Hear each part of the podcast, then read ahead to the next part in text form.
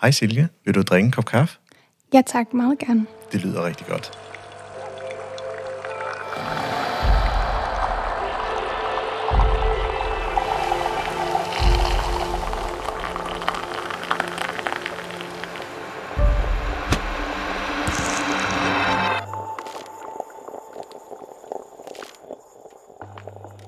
Velkommen til podcastprogrammet Kaffe og Ledelse. Mit navn er Ejhan Gomes, stifter af Mindcloud og er jeres podcastvært.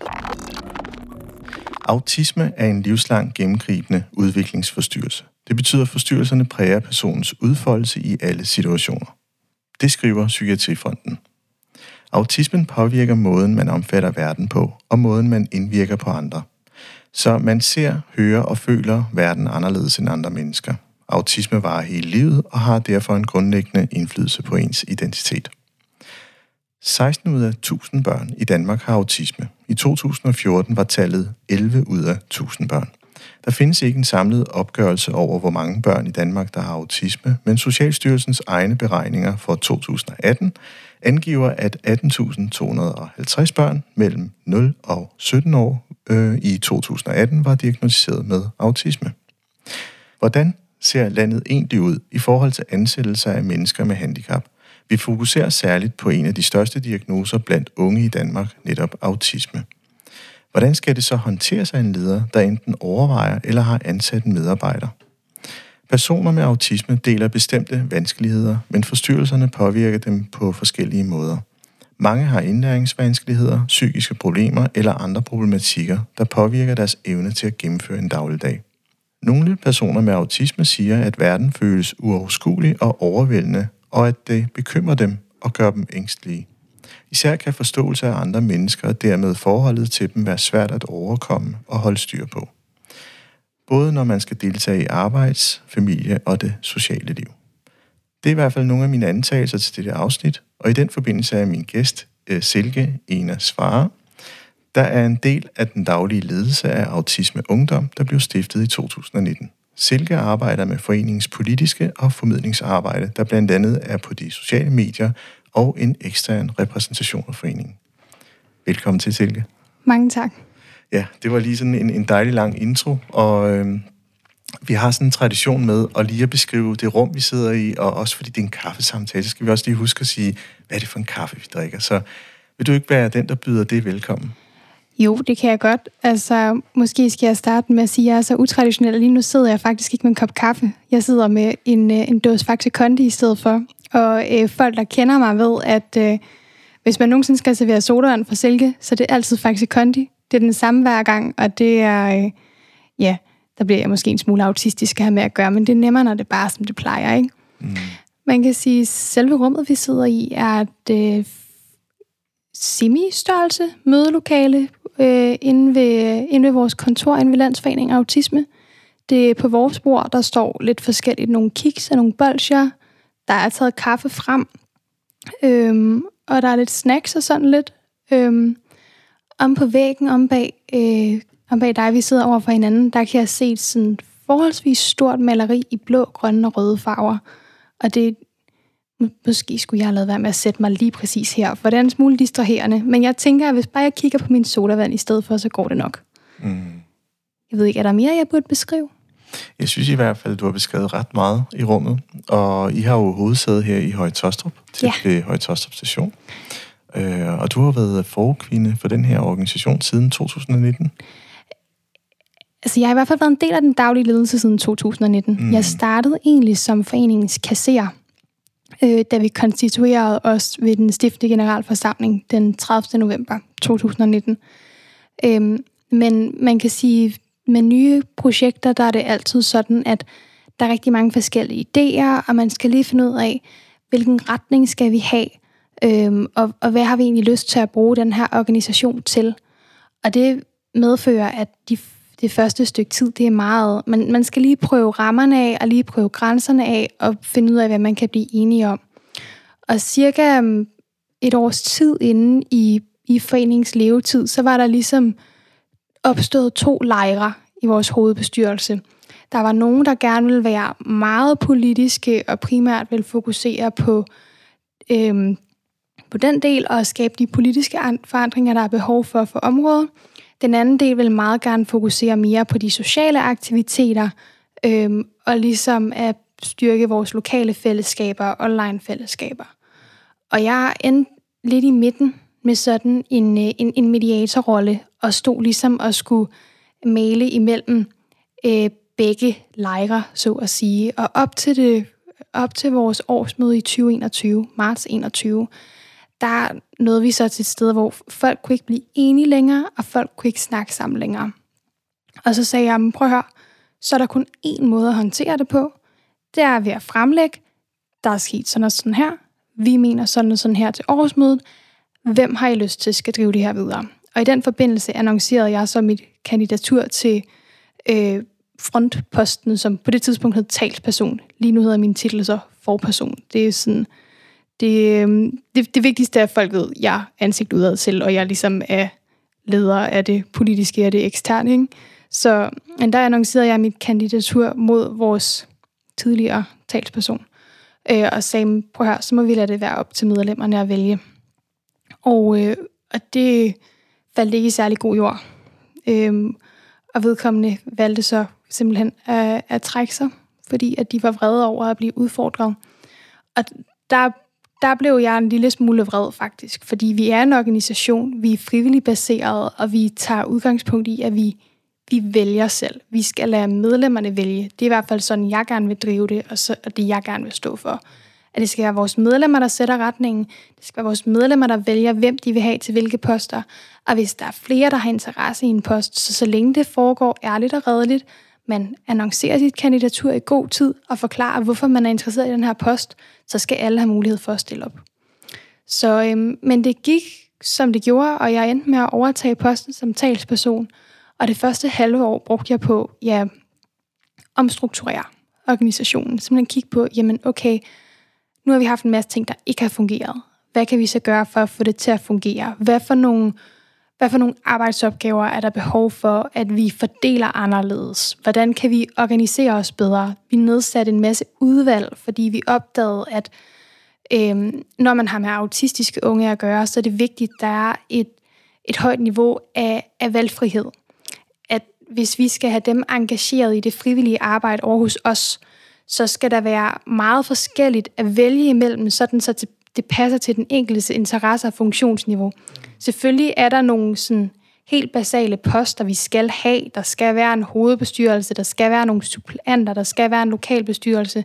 Men vi opdagede hurtigt, at der sidder rigtig mange unge derude, som synes, at det med at sidde i en lokalbestyrelse kan være et meget stort ansvar, men som gerne måske vil være med til at planlægge øh, den der ene gala-aften, eller synes, at den der ene kampagne lyder spændende. Og der er udvalg altså bare et rigtig fedt værktøj at have, sådan så at man kan få folk ind og være aktive i den del. De kan rumme og overskue på en måde, de har lyst til, øh, uden de skal forpligte sig til en masse, de ikke kan overskue. Ikke? Og velkommen til Silke. tak. Åh, oh, Gud. Men jeg ved, det bliver en spændende samtale, for vi berører både unge med autisme, og i det hele taget også unge, fordi det er jo sådan set også det, der er på tale her. Men jeg synes da lige, vi skal have en slurk af vores øh, faxikonde, og jeg har taget en vand dagens anledning, så lad os gøre det.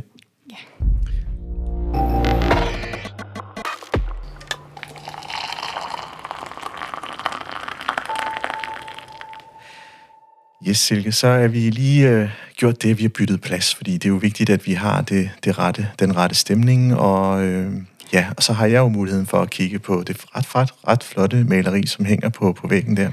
Jeg tror også, du er bedre til ikke at blive distraheret af den, jeg er. Lad os prøve at se, om det, det kan holde stik hele vejen igennem. Silke, vi mødtes jo første gang, da Dansk Design Center sammen med Rockwool arrangerede det her med, hvordan ser fremtiden ud i byer, og, og hvordan vi sådan set kigger på den mentale sundhed, ja. også blandt unge. og der havde vi sådan en ret fed frokostsamtale, hvor jeg egentlig plaprede løs om, hvad jeg lavede. Og så pludselig så fandt vi hinanden, og så tænkte jeg, at vi to skal da mødes. Mm, det, er, det var meget spændende. Jeg tror, det er den mest kreative workshop, jeg nogensinde har været til.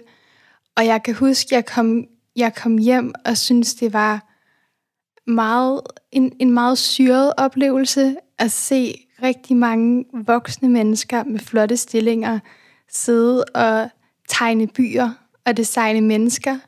Øhm, og jeg var helt sådan, hvor, hvor er det egentlig fedt, at, at de lurede os tænke ud af boksen i den grad, de gjorde. Det synes jeg var rigtig nice. Ja, det var, det var fantastisk. Og så er det jo også bare nogle spændende samtaler med nogle spændende mennesker, dig der iblandt, ikke? Fordi Tak. det alle, selv sagt, fordi alle os, der var der, var der jo med, en, med et interesseområde og nogle kompetencer og kvaliteter, som vi lo- jeg synes, folk var rigtig gode til at lade komme i spil i deres udformning af projekter og steder, og hvordan vi sammen ligesom kunne tænke os frem til, hvordan en fremtid kunne se ud. Ikke? Ja, lige præcis.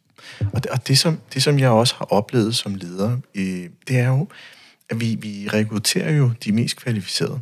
Og, og jeg har jo sådan fulgt lidt med på, at fordi dem, som jeg egentlig var leder for, det var jo socialrådgiver, der arbejdede med unge mennesker, som på den ene eller den anden måde havde en diagnose. Og andelen af de her unge mennesker er desværre igennem årene været stigende. Mm. Øh, og det tror jeg også er, er gældende for, for dit område. Det er det. Øhm, der, hvor der ofte opstår nogle misforståelser, det er, når folk, øhm, når folk opfatter det som om, at det er fordi, at der bare bliver delt diagnoser ud i fling. Mm. Øhm, det er ikke det, der sker. Sådan som jeg ser det, og med den viden, jeg har, så har vi haft et diagnose efterslæb på autismeområdet, fordi vi har manglet viden om øhm, det, de mange forskellige måder, autisme præsenterer sig på. Mm. Øhm, der er det her begreb, vi arbejder med. Øh, vi kalder den skjulte autismeprofil. Og den ser man blandt andet ofte hos, øh, hos piger. Og derfor så er der rigtig mange piger, der får deres diagnose for sent. Og vi har rigtig mange kvinder, der bliver diagnostiseret, voksne kvinder, som så bliver diagnostiseret nu, fordi at deres børn får diagnosen. Øhm, så dels ser vi, at der er flere, der bliver diagnostiseret med autisme, fordi at vi har et diagnose efterslæb. Men vi skal også bare huske, at vi har skabt et samfund, hvor at vi har behov for at være diagnostiseret. Der er mange, der ser en autisme-diagnose som et stempel.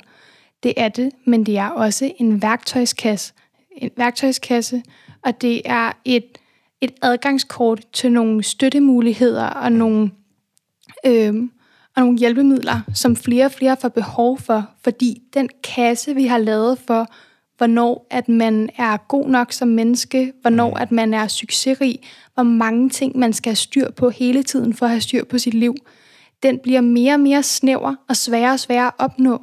Og derfor er der rigtig mange, der måske for en 50 år siden sagtens kunne have gebærdet sig ud på en almindelig arbejdsplads med nogle lidt få særlige hensyn. Man behøvede måske ikke have en diagnose for det, fordi man havde en arbejdsgiver, der var flink og sagtens skulle skabe et rum. De mennesker har behov for at have diagnosen nu, fordi den fleksibilitet og den rummelighed, der, der er behov for, den får man ikke, hvis ikke man kan servere en god grund til sin chef for, hvorfor skal du give mig den her plads. Kan, kan du prøve at folde det, det sidste lidt mere ud? Altså, hvad kan den gode grund så være? Jamen, altså for mig der er det jo ofte, at jeg siger, okay, jeg kommer og for at finde på et eller andet. Jeg har behov for støjdæmpende høretelefoner, fordi jeg er autist, og derfor er jeg lydfølsom. Mm. Øhm, det kan også være, at jeg har behov for at spise i ro og fred, fordi at jeg bliver distraheret af andre menneskers smaskelyd. Mm. Øhm, I nogle situationer kan det være opgaver, jeg har, jeg har brug for ekstra tid til at udføre. Det oplevede jeg meget på, på mit studie.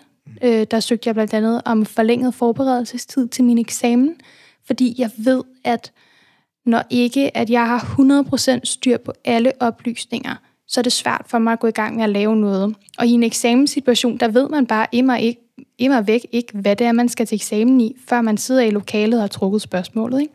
Så, og, og fordi at der er alle de her dokumentationskrav, det, hvis du arbejder med socialrådgiver, så kender du vel også til det, men der er så mange dokumentationskrav og rammer og regler og tests og alt muligt, man skal leve op til hele tiden.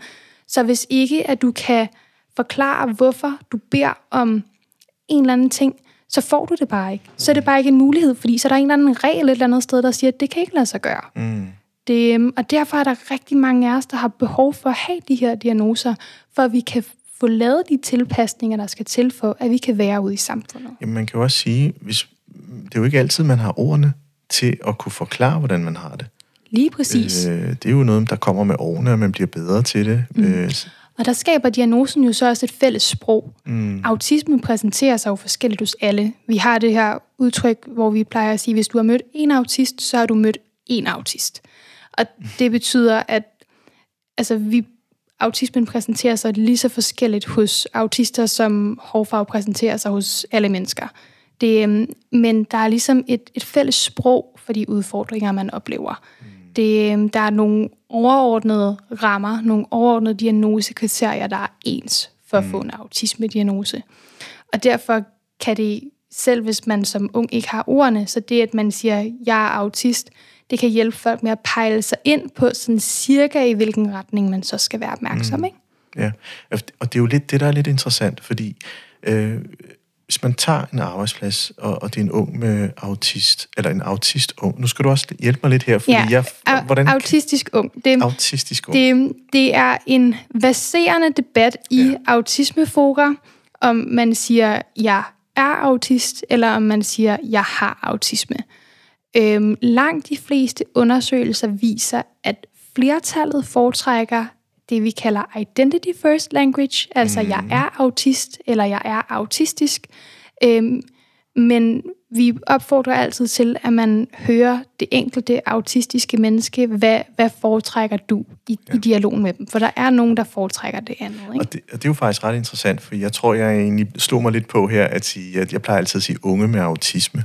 Ja, og så det, skal jeg sige autister, faktisk. Ja. Ja. Det, og, det, øhm, og det er sjovt, det er... Øhm, den her, øh, det her med at bruge person first language, det er jo, jeg ved, det er gjort i bedste mening. Mm. Det har været for ligesom at anerkende, at man er mere end sin diagnose, men hvorfor er autisme blevet så skidt et ord, at det er noget, man har lyst til at adskille sig fra i sådan en grad, at man skal sige person med autisme? Jamen, jeg elsker det allerede. sådan, som, sådan som jeg opfatter autisme, og sådan som jeg kan læse mig til, at mere og mere forskning heldigvis er begyndt at se autisme, så er det egentlig bare et andet styresystem. Hvis du mm. forestiller dig en, en MacBook og en uh, Windows-computer, så er de forskellige styresystemer, softwaren er simpelthen forskellige. Udefra så ser de meget ens ud, de her to computere, og hvis man kigger på det færdige resultat, så mange af de ting, man kan lave på de her computere, er det samme. Hvis, altså, man kan skrive dokumenter, man kan gå på Facebook, man kan surfe på nettet, men måden tingene bliver gjort på er helt forskellig, fordi der er forskellig software. Ja. Og jeg ved ikke, om du nogensinde har prøvet at downloade Windows-versionen af Word til en MacBook. Åh, oh, masser af gange. Men det fungerer ikke. Nej, det, det, det ikke. det samarbejder ikke. Nej. Og det er også det, vi ser med de autistiske hjerner. Autister socialiserer lige så godt med andre autister, som neurotypiske socialiserer med andre neurotypiske. Mm. Det er, når vi kommer på tværs, når autister og neurotypiske skal samarbejde, at der opstår en kulturbarriere, som skaber nogle, nogle udfordringer. Mm. Og det, der så gør, at autisme bliver et handicap, det er, at det er os, der er minoriteten. Mm. Havde det været den anden vej rundt, havde 96 procent af landets befolkning været, haft, haft autistiske hjerner, og så havde der været 4 procent med hjerner som din, så havde det været dig, der havde et handicap, og ikke mig. Ja, interessant betragtning faktisk. Det, det er det. Så samfundets struktur er egentlig afgørende for, hvem der er minoriteter, og derved også øh, kalder dem det, de nu engang hedder. Mm. De skiller sig en lille smule ud af normalsfæren, mm. hvis man kan sige det sådan. Og hvis vi så skal tilbage til, hvorfor at er autist, har autisme, så er vigtigt, så i og med, at hele min hjernes styresystem er anderledes, så vil alt, hvad jeg gør, være autistisk. Mm. Det vil alt sammen blive gjort på en autistisk måde, og autismen er så gennemgribende en del af min identitet og min måde at være i verden på, at det er ikke noget, man kan adskille mig fra. Autisme er heller ikke noget, man får eller bliver smittet med. Det er, et, øh, det er medfødt, og det er genetisk. Man kan simpelthen spore det i, i flere familier generationer tilbage. Og det er ganske almindeligt, at autistiske mennesker finder sammen med andre autistiske mennesker og får autistiske børn. Så, øhm, det, ja, det er interessant, ja. Så det svarer egentlig bare til, at hvis det er grønne øjne, eller blå, eller grønne eller blå øjne, eller mm. rødt hår, der går i arv, det er autisme og ADHD. Så er der sådan en masse følgediagnoser, der bliver stillet, som man udvikler, fordi samfundet ikke rummer og så tager hensyn. Og det er jo de klassiske stress, angst, depression. Mm. Det kan også være værre ting som spiseforstyrrelser, selvskadende adfærd, selvmordstanker, psykoser. Der er vi øh, stort repræsenteret i alle de statistikker, man helst ikke vil være repræsenteret i. Og det giver jo mening, når man tænker over, at vi er en minoritet, og vi bliver bedt om at være i en verden, der ikke er designet til vores behov. Ikke? Ja. Og det er jo der, hvor arbejdspladser kan gøre noget spændende. Ja, fordi det er jo lidt der, det vi også taler til her, det er jo ledere. Ja. Og, og hvordan er det, vi kan klæde de enkelte ledere, der lytter til det her program, bedre øh, i forhold til også at kunne lede øh, autister.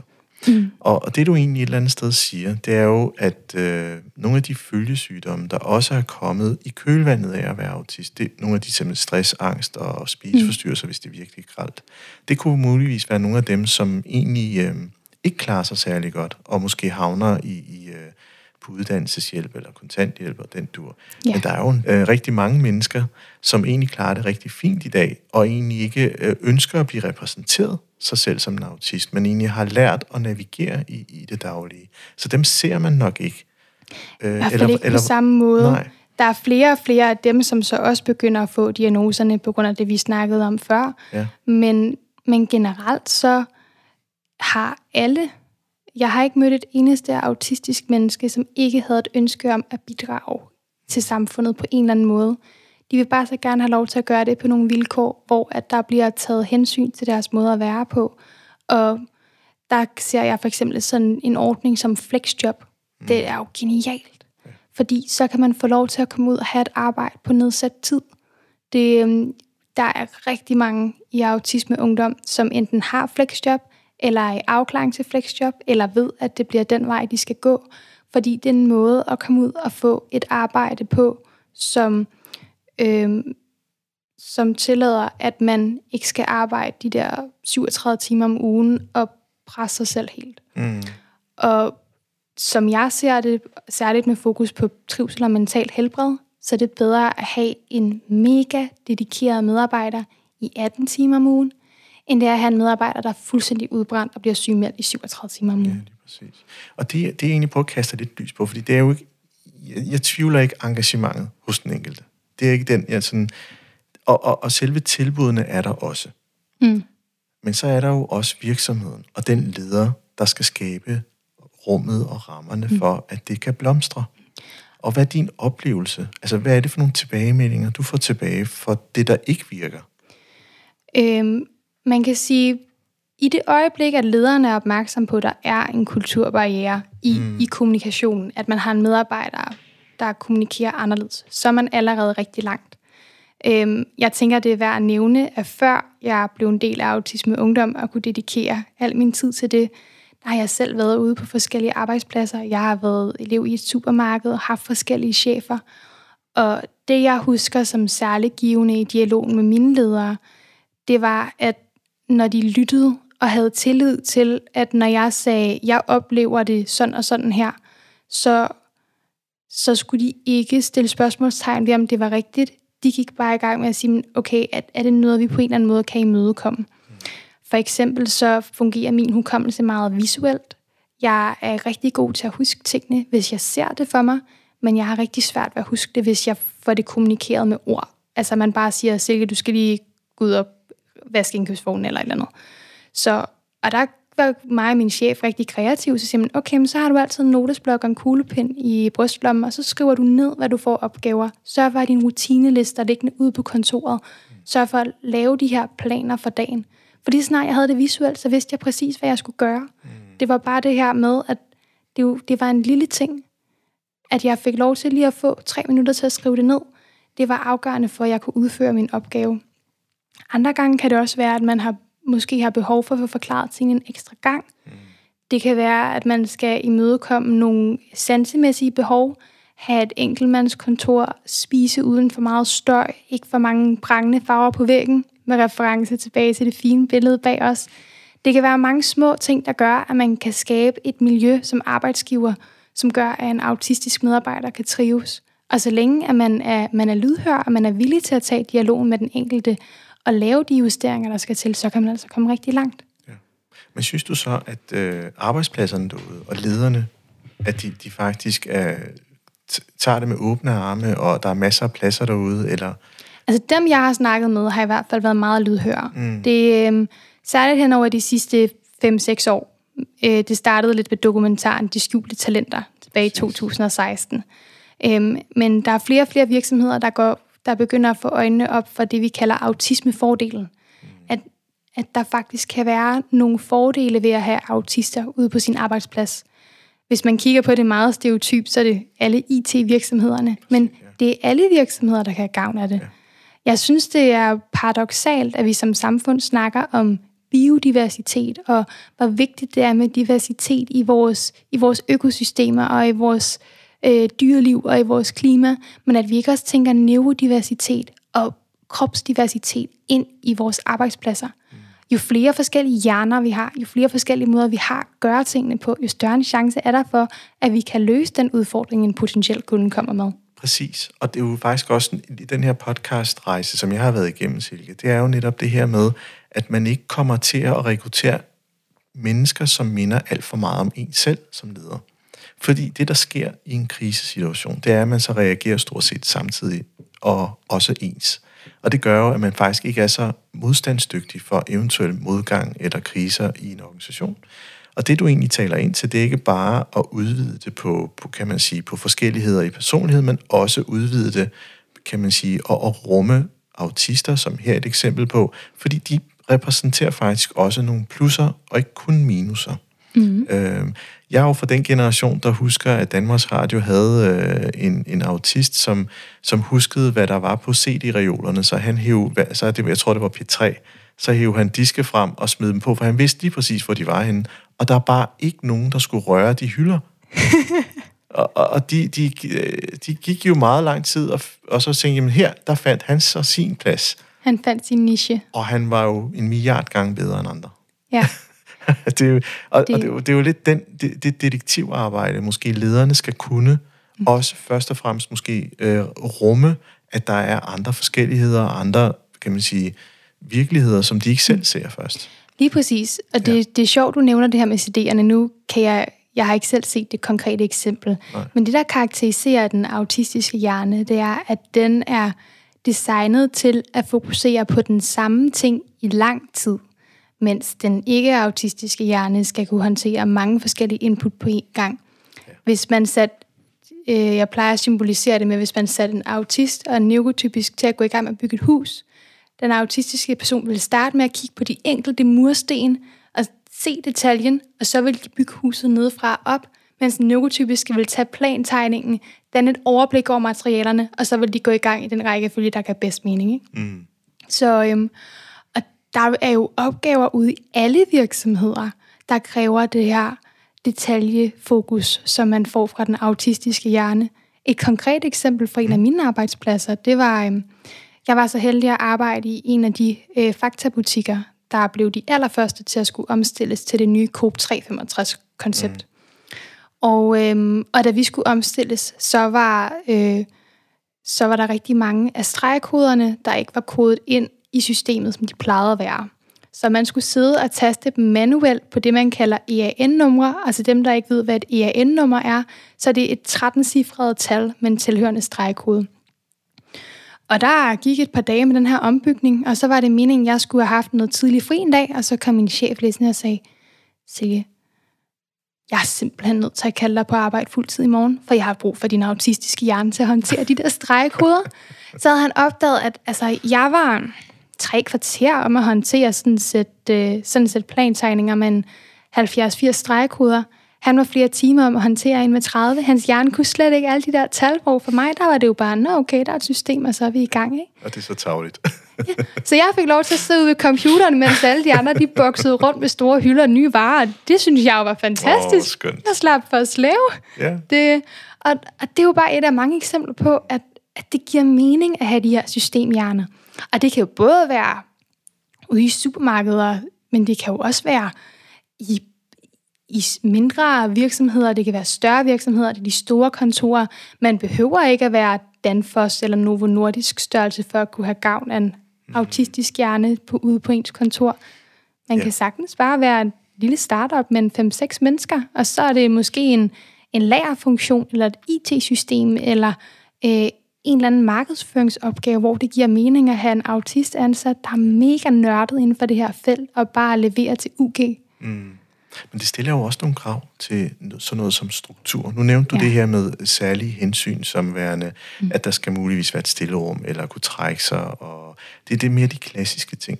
Men også i, i ledelsesrummet, der er vel også brug for at sige, hvad er det for et møde? Hvad, hvad er outputtet? Det er i hvert fald den erfaring, jeg har, ja. øh, når jeg har talt med autister. Det er jo netop været det her, hvis du, hvis du spørger en autist at sige, vi skal snakke om, hvilke muligheder du har, og verden er stor, du kan bare vælge så har, jeg, så har jeg ofte slået mig, fordi jeg skulle egentlig være meget mere konkret, ja. hvor vi skal hen med den her samtale.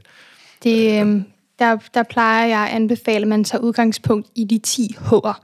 Det er sådan et, øh, et helt konkret schema, man ja. kan gå ind og finde på nettet med sådan en masse HV-spørgsmål. Hvad skal vi lave? Hvordan skal vi lave det? Hvem skal jeg lave det sammen med? Så videre, så videre. Mm. Hvis man har lavet en de 10 H'er-ramme for opgaven, så er man et godt stykke. Øhm, og igen, det er jo fordi, at den autistiske hjerne er bedst til at fokusere på den samme ting i lang tid. Så hvis man præsenterer seks forskellige valgmuligheder, så går der koks i systemet, fordi ja. der er for mange ting at fokusere på. Ikke? Ja. Og generelt så ser man også, at ude i de funktioner, hvor det er meget rutinepræget, der trives man rigtig godt, fordi der er den her faste struktur. Man ved sådan cirka, hvad der skal ske. Man ved, hvad man skal fokusere på. Det, øhm, så handler det særligt om så ligesom at træne den autistiske medarbejder, jamen okay, hvad gør man så, når der kommer ændringer i rutinen? Men det er selvfølgelig først, når man har bygget fokus på rutinen op. Ikke? Mm. Så jeg har det her eksempel, jeg, jeg plejer at bruge til at forklare forskellen i, øh, når man har en, en neurotypisk person til at udføre en opgave, og når man sætter en autist til at lave en opgave. Hvis du forestiller dig, de neurotypiske mennesker, de er biler. De kører derude af i et vist tempo. De kan sagtens selv lige vende om, eller tage en sidevej, eller hvis Maps siger, der er en hurtigere vej, du kan køre, så koder man bare GPS'en om, og så gør man noget andet. Mm. Autister, vi er mere som tog. Vi har brug for, at der er nogen, der ligger vores togskinner. Mm. Det, vi skal ligesom have lavet rammen, lagt skinnen. Men når første rammen er lavet, så kører vi på de samme togskinner hver gang. Samme måde hver gang og faktisk også hurtigere end biler. Fordi toget har ikke et behov for lige at køre en sidevej ned på Karens kontor og tage en ekstra sludder eller et stykke kage, selvom at øh, der egentlig stadig ligger et par mails tilbage. Toget kører bare. Det udfordringen er, at vi er et samfund af motorveje, og vi holder en masse autister på perronen, og mangler nogen, der har lyst til at lægge togskinnerne sammen med os, for det kan vi ikke gøre selv. Og det er jo, jeg, jeg kan godt lide billederne. Øh, jeg er også selv meget visuel, så jeg er allerede i, jeg kan sagtens forestille mig det. Øh, og så er der jo der, hvor, hvor vejen krydser togskinnen. Ja. Øh, og, og kan man sige, så er det jo bilen, der skal holde tilbage for, for toget, der, der farver forbi, fordi det er jo yes. sådan en klassiske tænkning. Og hvad sker der så? Hvad sker der så, når, når, når en gruppe skal arbejde med at løse en opgave, hvor der også er en autist repræsenteret. Altså det her, det er jo, det er jo vi har en problemstilling, skinnerne er ikke lagt. Er, er det så smart for en leder at trække en autist ind i det rum, eller skal man skåne vedkommende? Det kommer meget an på opgaven, og det kommer an på det enkelte autistiske menneske og vedkommendes kompetencer. Hvis jeg skulle komme med et godt råd, så vil jeg anbefale, at man som leder sidder og kigger og tænker, okay, den tid, jeg lægger i at skabe rammen, skabe de her HV-skemaer, sørge for at sætte vedkommende ind i opgaven. Kommer det til at øh, kommer det til at være en god investering i forhold til, hvad for et output man får i den anden ende? Øhm, og hvis svaret er ja, så selvfølgelig, så skal man gå i gang med at lave det. Øhm, og det er bare vigtigt at tænke energiregnskabet ind i det. For hvis det ikke er særlig vigtigt at have den autistiske medarbejder med på det, og man som leder skal bruge mere energi på at skabe rammen, end den profit, der vil komme ud af at have den autistiske medarbejder med, så er det bedre at skåne. Så, skal man, så kan man lige hurtigt spørge vedkommende, har du selv lyst til at være med eller ej? Det, må, jeg, må, må jeg udfordre lidt på den? Fordi jeg vil som leder jo også tænke, at øh, man måske tager nogle muligheder fra den enkelte mm. ved ikke at lade dem indgå. Fordi det kan godt være, at de, mens de løser opgaven, også får socialiseret sig noget mere sammen. Det vil sige, de, de finder ud af at afsøge hinandens, kan man sige, blind spots og, og, og talenter. Og, og hvis man afskærmer øh, den enkelte sådan over flere gange, fordi det er for svært, så, mm. så kan der jo være noget om, at det kan godt være, at det var svært i starten, men over tid må det jo aftage. Det er rigtigt. Og, ja. og så vil jeg også køre den tilbage til, at det afhænger rigtig meget af præcis, hvad for en autist du har ansat. Ja, for det er jo ikke bare en, det er jo et mega stort spektrum. Det er et kæmpe spektrum, ja. altså, og det er ikke engang nok at have det som et todimensionelt spektrum. Du skal tænke tre, tredimensionelt spektrum, helt ja. kugle af alle mulige forskellige ja. Placeringer, varianter og former. Det, øhm, så ja, Ja. Hvis man har en føling med sådan cirka, hvilken medarbejder det drejer sig om, hvad plejer de at kunne, hvad er det for nogle kompetencer, de har, hvad er det, de vil kunne bidrage med, så tænker jeg, at det er op til den enkelte leder at finde ud af, jamen, hvad giver mening i den her situation. Der mm. vil være nogle medarbejdere, der har behov for altid at blive skærmet, og som altid kun vil kunne være i en funktion. Der vil være andre, der har et kæmpe udviklingspotentiale, og sagtens kan indgå i i den socialisering, der er behov for, så længe at det bliver på egne præmisser. Ikke? Mm. Så der, det er sådan et spørgsmål, der vil aldrig være en løsning på det. Ja, fordi det du egentlig taler til, det er jo at lederens evne til at, at, at ligesom kende den enkelte noget bedre. Ja. Og, og det er jo typer af møder, der ikke nødvendigvis er dagsordensat. Der sætter man sig ned og får en kop kaffe eller te, eller hvad det nu bliver, mm. øh, og drøfter lidt, også for at lederen kan få lov til at lære den enkelte at kende. Men allerede der, der kan der jo være nogle parader oppe hos den enkelte autist, fordi de tænker, hvad er det her møde for? Hvad har det af formål? Absolut. Øh, og, og så begynder vi jo at tale om, om lederens evne til og mod til at sige, hvor, hvor er det, jeg skal placere den enkelte i min organisation? Ja. Det, øhm, og der tænker jeg, at vi er tilbage i at være opmærksom på den her kulturbarriere. Mm. At som autist, så er det meget almindeligt at have paraderne oppe, simpelthen fordi vi er vant til at blive fejltolket og blive misforstået, og at, at folk har nogle fordomme og nogle opfattelser af os, som ikke stemmer overens med vores eget selvbillede. Mm. Øhm, så så længe man som leder går til det med en, med en åbenhed og en forståelse, og så kan det være, at man skal lave møderne på en måde, så det giver mening. Det kan være, at i stedet for at sætte sig ned og small talk over en kop kaffe, så kan det være, at man sætter sig ned laver en kop kaffe, og så beder man det autistiske menneske forklare noget omkring den arbejdsopgave, de har lavet for nylig. Fordi så har man samtaleemne, der er konkret, det giver mening for dem, og man får samtidig mulighed for at få en indsigt i, hvordan deres hjerne virker, og hvad de har lagt i det arbejde, de har lavet, hvordan de forstår det. Det, øhm, det kan jo også være rigtig værdifuld viden i forhold til, hvor man så ligesom skal skal placere dem hen i sin organisation. Ikke? Ja, men det, det, allerede her kan jeg se øh, muligheder, som er egentlig rigtig, rigtig fede. Øh, vi, vi opfandt noget, der hedder øh, taxaterapi, øh, og det var lidt med den tese om, at øh, unge drenge, øh, der var det lidt svært at sætte sig ned, som vi gør her, og sidde og samtale. Og det var faktisk federe at sidde i en bil og køre, mens ja. vi samtalede, fordi der tålte vi at have stillhed øh, når vi kørte. Og, og, og det, det, det sker noget. Det er lidt ligesom, når, når jeg skal ud med drengene, så kan man sige, så tager vi på fisketur, jamen, så kan vi godt tåle ikke at sige noget i lang tid. Men hvis vi skulle kigge over for hinanden, så, så, vi, så vi hele tiden, der vil være presset af at holde samtalen kørende. Øh, så jeg synes, det er måske lidt i den samme kontekst, ja. at, at vi forholder os til den enkeltes arbejds... Det det, som, som har fået opgave. Øh, og i den, kan man sige, få opsnappet mennesket bag.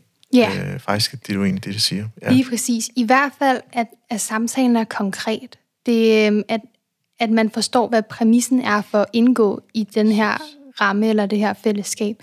Det oplever jeg også rigtig meget fra mit eget liv. Så længe jeg ved, hvad formålet er med det, jeg skal snakke om. For eksempel, nu sidder jeg her sammen med dig, men det kan også være at holde en tale til en demonstration, eller være til et møde med nogle højtstående politiske mennesker – så længe at jeg har rammen på forhånd, og jeg ved, hvad er det, jeg bidrager med her, hvorfor er det, jeg er relevant og inviteret, så kan jeg sagt indgå i den sociale kontekst, men hvis man sætter mig sammen med 50 mennesker og bare forventer, at jeg selv skal hive et samtale ud af hatten og finde ud af, hvem jeg synes, det er rart at snakke med, så går min hjerne fuldstændig sort. Det kan jeg slet ikke.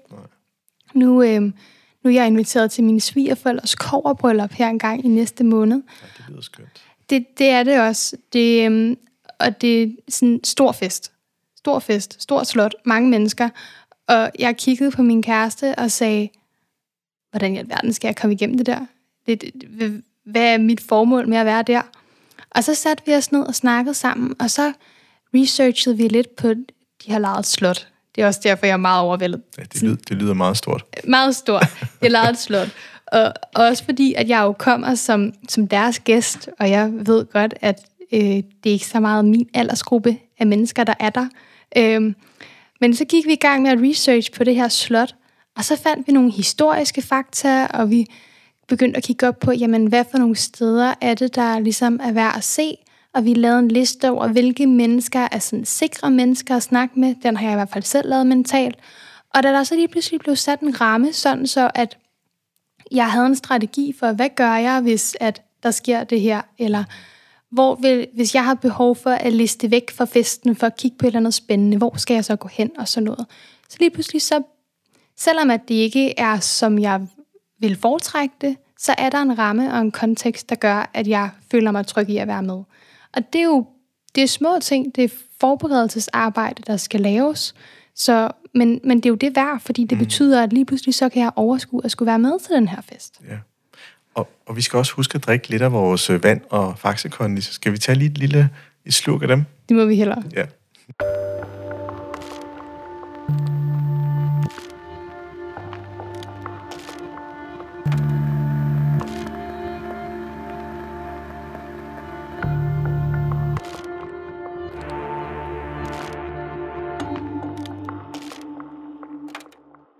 Der er sådan en ting, som øh, også slog mig, da vi, øh, inden vi gik i gang med optagelsen, Silke, det var det her med, at øh, mange unge øh, øh autister så har også øh, ADD eller ADHD som en følgesvend. Ja. Yeah. Og øh, så sagde du noget, som egentlig øh, fik mine, mine popcorn til at springe op i hovedet. Så tænker jeg, kan du ikke lige prøve at sætte os ind i... Jo, det kan jeg godt. Øhm, og det det, jeg tænker, det er relevant for kontekst at vide, at jeg har en ADHD-diagnose oven i min autisme-diagnose, og det bliver, øh, det bliver mere og mere almindeligt, at man har begge dele. Øhm, estimater, jeg har set rundt omkring, er at sted mellem 50% og 80% af autister også har noget ADD eller ADHD oveni. Den er i hvert fald ret høj mange steder.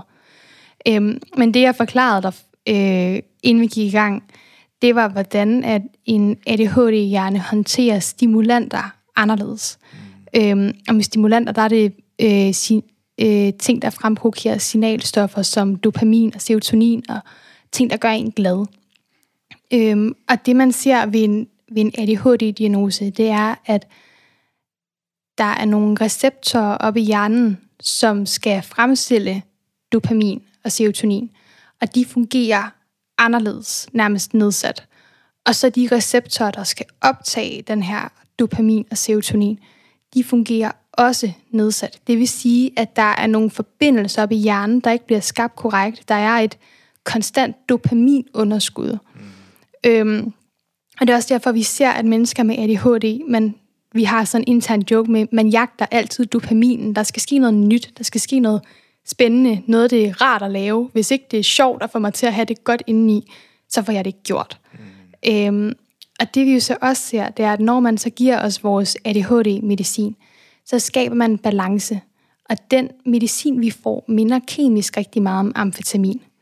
Øhm, men det minder også rigtig meget kemisk om koffein og sukker ja. og generelt stimulanter. Så øhm, hvis man giver en person med ADHD en kop kaffe, så, for, så er det normalt, det får dem til at slappe af. Ja, det... det gør sodavand og energidrik også. Giv mig en energidrik, og så lægger jeg mig ind og tager en lur bagefter. Det, og, og det er der, hvor jeg tænker, hold op. Ja, øh. det, øhm, og, og det er jo også derfor, at altså, man ser, at rigtig mange med ADHD, de ender ude i selvmedicinering. Både den legale version, hvor det bare i gåseøjne er en hel masse energidrik, men også den illegale, hvor man er ude i amfetamin, hashmisbrug, kokain, den slags mm. ting. Fordi at man simpelthen har behov for at udligne det her dopaminunderskud. Ja. Øhm, men samtidig, så hvis man kigger på det helt neutralt, så er der jo også en kæmpe styrke i at have nogen, der hele tiden finder nye veje, nye tanker, leder efter den der feel good af, hvad kan vi lave i den her virksomhed, der får os alle sammen til at have det mega fedt, og som vil, vil skabe en positiv forskel. Det, øhm, det, jeg plejer at bruge udtrykket popcornhjerne. Ikke? Mm. Det, øhm, at så slapper man lidt af, og pop, så, så dukker der en ny idé op. Og det kan da også være en forudse. Og det kommer så, når man er afslappet og har taget øh, sukkeret, eller koffein, eller energidrikken, som du eller, siger. eller min medicin, ja. Ja, det, øhm, ja, okay. Så har jeg mere ro i mit hoved, ja. når jeg spiser min medicin, som jeg skal.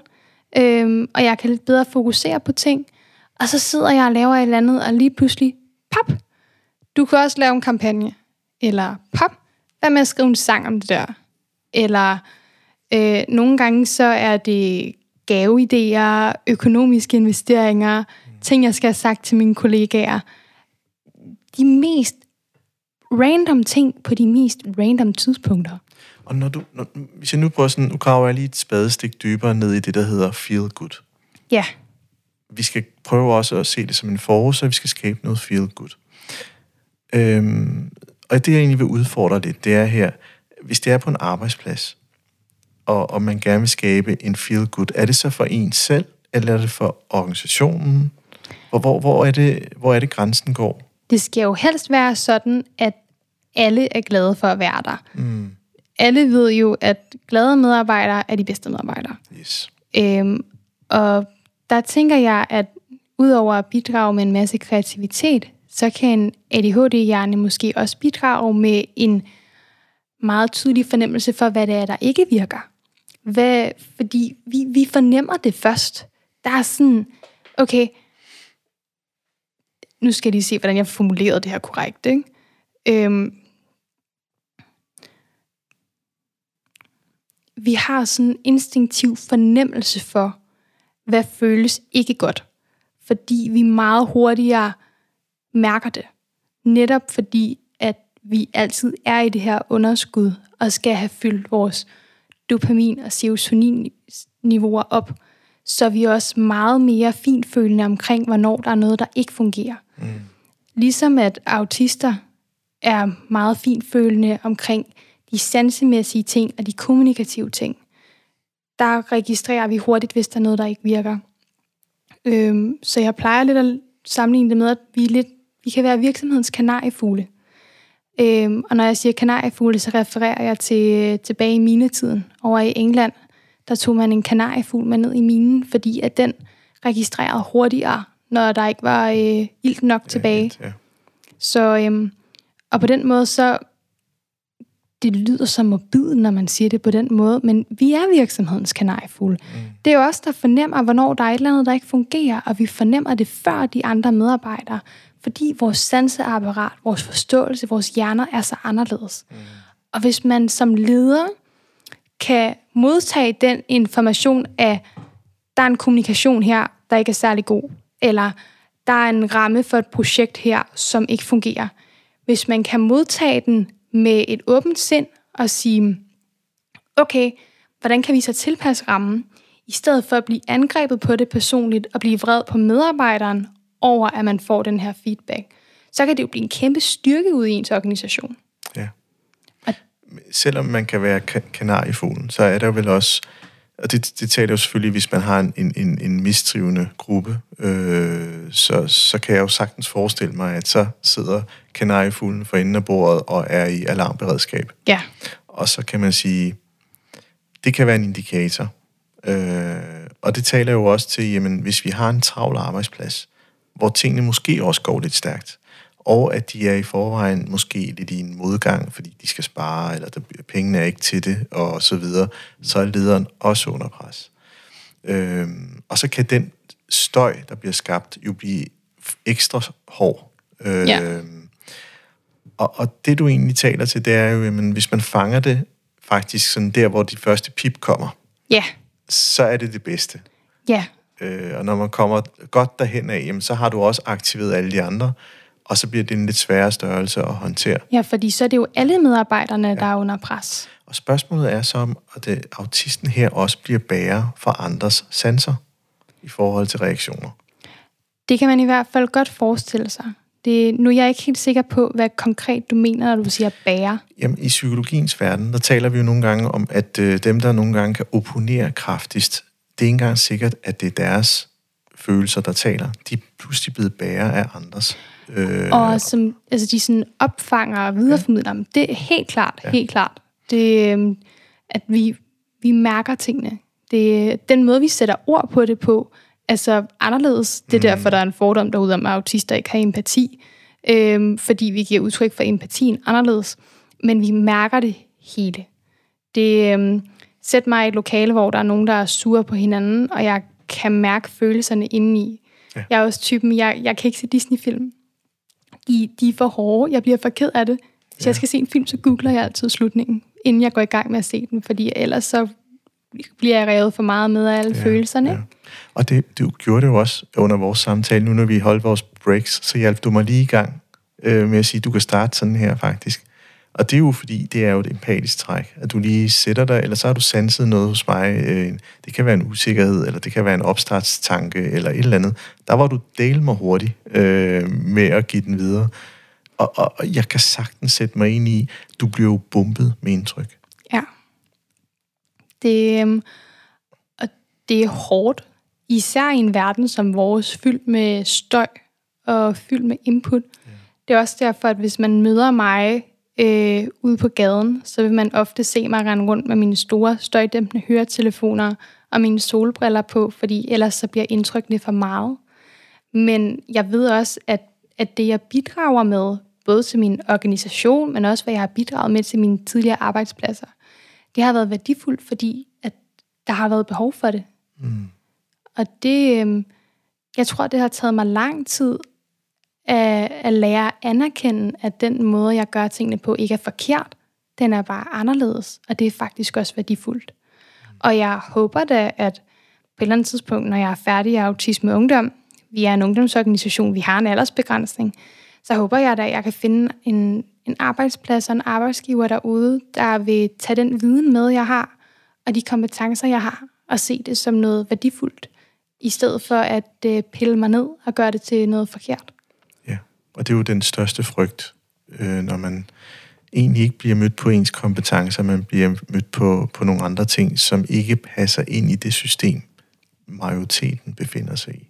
Lige præcis. Altså eksemplet med, jeg kan sagtens sætte mig ind i en situation, hvor der er en, der tager en moderlig rolle med at sige, kommentere andelen af sukkerindtag, den enkelte kunne have, men, men de forstår ikke bevæggrundene for, hvorfor mm. det eventuelt kunne være sådan. Nej, hvis jeg kom med en kommentar på sukkerindtag, så ville det garanteret være, fordi jeg havde læst en videnskabelig artikel morgenen inden, og havde set, at hvis man spiser så så meget sukker i så lang tid, ja. så risikerer man at få diabetes, og så vil den anden person sidde og føle sig angrebet på, at øh, de har lidt svært med sin krop, og har det svært med mad, og havde virkelig brug for det der sukker, og havde bare slet ikke brug for at få den kommentar. Ikke? Nej, og selvom tingene bliver serveret med de bedste hensigter, så er det min oplevelse, den autistiske kommunikationsstil er så direkte, at det nogle gange kan være intimiderende for dem, der sidder på den anden side af bordet. Mm. Fordi de ved, at havde det været mig, der sagde sådan her til folk, havde det været med de her intentioner, ellers havde jeg kommunikeret det anderledes.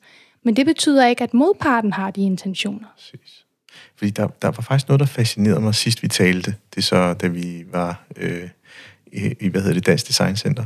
Og det var det her med, at I skulle arrangere en konference. Og, mm. og der nævnte du det her med, at det var faktisk okay, sådan midt på programmet, når det passede, når det ikke, øh, kan man sige, passede den enkelte, at der var sådan nogle fallback-lokaler. Ja. Og det, var, og det var acceptabelt, at man gjorde det. Det var ikke nødvendigt onde, at man deltog i alt. Ja. Øhm, det synes jeg var fantastisk tænkt. Og, og det er jo det, der er interessant ved lige præcis Autisme Ungdom som organisation. Både fordi vi er så nye, men også fordi hele foreningen er drevet af autister. Alle os, der sidder i hovedbestyrelsen, er selv autister. Alle, der sidder i lokalbestyrelserne, er også selv autister. Så de her hensyn bliver automatisk tænkt ind i vores rammer, fordi ellers kan vi ikke selv være der. Og vi har behov for, at der er et stille rum. Vi har behov for, at der er en forståelse for, at nogle gange skal man have en pause. Vi har for eksempel også altid buffet. Når vi serverer mad, så er der buffet, hvor alting er serveret adskilt. Der er ikke noget, der hedder at lave en blandet salat over hos os, fordi vi ved, at alle kommer med deres forskellige sanseapparater, og der er det bare en ting, man er meget sensitiv over for mad. Og det, altså, prøv at forestille en arbejdsplads, hvor de har netop en åben buffet. Jeg har i hvert fald ikke set, at så er icebergen adskilt for tomaten og agurken osv. Nej, og det er virkelig, det er bare så træls. Undskyld mit sprog, men det er bare, ja. vi, nu, det er forholdsvis tit, at vi skal til konferencer og, og ting og sager. Og vi ender altid med at fravælge frokostordningen og google, hvor den nærmeste McDonald's er. Fordi det er det eneste sted, vi er sikre på, at alle kan lide noget at spise. Ej. Wow. Så jeg vil så sige, at jeg var positivt overrasket over, at de, de sandwich øh, Danske Science Center havde fået fat i. Men, øh, men det var med masser af blandet salat og alt muligt tilbehør. Mm. Heldigvis så er jeg ikke den mest kredsende af os i organisationen. Nej. Og allerede her, ikke? Altså nu, du gav mig i hvert fald den tanke om, at spoiler til film får en helt anden betydning efter vores samtale i dag. At det netop faktisk har en gavnlig effekt på nogle mennesker. Øh, jeg, ja. tro, jeg troede, det var noget, der var... Altså, det skulle man bare ikke have, spoiler, fordi det var ødelage filmoplevelsen. Mm. Men det er jo mit udgangspunkt. Mm, det, det der er nogen, der gerne vil overraskes. Det, ja. øhm, men hvis ikke jeg ved, hvad resultatet er af at have alle de her følelser, så er det for svært for mig at være i dem. Ja. Og jeg ved, vi er faktisk rigtig mange, der har det på den måde. Ja. Det, nu har jeg en Instagram-profil, hvor at jeg har delt rigtig meget ud af mange af de her ting, og der kan jeg også se i, i de svar de responser, jeg får tilbage fra andre autister, at der er rigtig mange, der relaterer til rigtig meget af det, jeg skriver. Mm. Det er en, en fælles oplevelse for nogle af os. Der er så også andre, der absolut ikke vil have spoiler, og bliver lige så næsten mere sure, end ikke-autister vil blive. Altså, jeg er jo, jeg er jo sådan en Star Wars-fan. Og, øh, og jeg kan ikke lide spoiler. Og, Nej, det, det, og jeg, jeg repræsenterer nok den fangruppe, der bliver irriteret, hvis der er nogen, der fortæller en eller anden ny øh, serie eller film. Øh. Det kan jeg godt forstå. Det, øh, jeg, yeah. jeg har aldrig været så god til at se film. Nej. Så det, der er rigtig mange af de ting, som man ligesom forventer, man har set, som jeg ikke har set. Og jeg er meget ked af at sige det, men Star Wars er altså en af dem. I'm sorry. Ja, det, helt okay. Ikke? Og vi har været vores favoritter. Silke, vi skal også til at runde af. Jeg synes, det har været en enormt spændende samtale og inspirerende på så mange måder. Du er jo både personlig og organisatorisk og også udadvendt i forhold til øh, nogle af de, de værdisæt, I har som forening. Øhm, og, og noget af det, som også andre unge faktisk også synes er, er værd at lægge øre til, øh, er mit indtryk. For, for uden det, så er der jo også et fokus på unge, på arbejdspladserne, som også kræver en anden type ledelse. Ja. Og her har vi bare fået det boostet mere i en retning, der, der skal have noget særligt, øh, kan man sige, opmærksomhed. Vil du sådan her til sidst øh, komme med nogle afsluttende bemærkninger, eller... Altså, det var egentlig bare en, øh, en servicemeddelelse til lytteren, at hvis man gerne vil vide noget mere om, om autisme ungdom, eller af en eller anden grund øh, kunne have behov for at snakke med mig om et eller andet, eller man kender en ung, der har behov for at snakke med mig om et eller andet, så bare google autismeungdom.dk, så kan man finde det meste derinde. Og det skal vi nok skrive i beskrivelsen. Uh, tusind tak for samtalen, Silke. Men selv tak.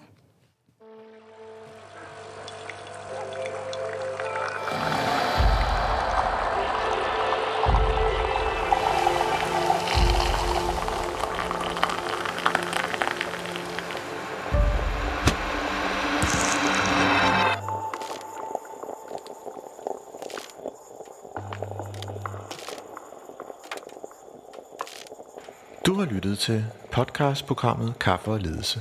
Ønsker du at lytte til flere afsnit? Gå ind på mindcloud.dk, hvor du har links til flere.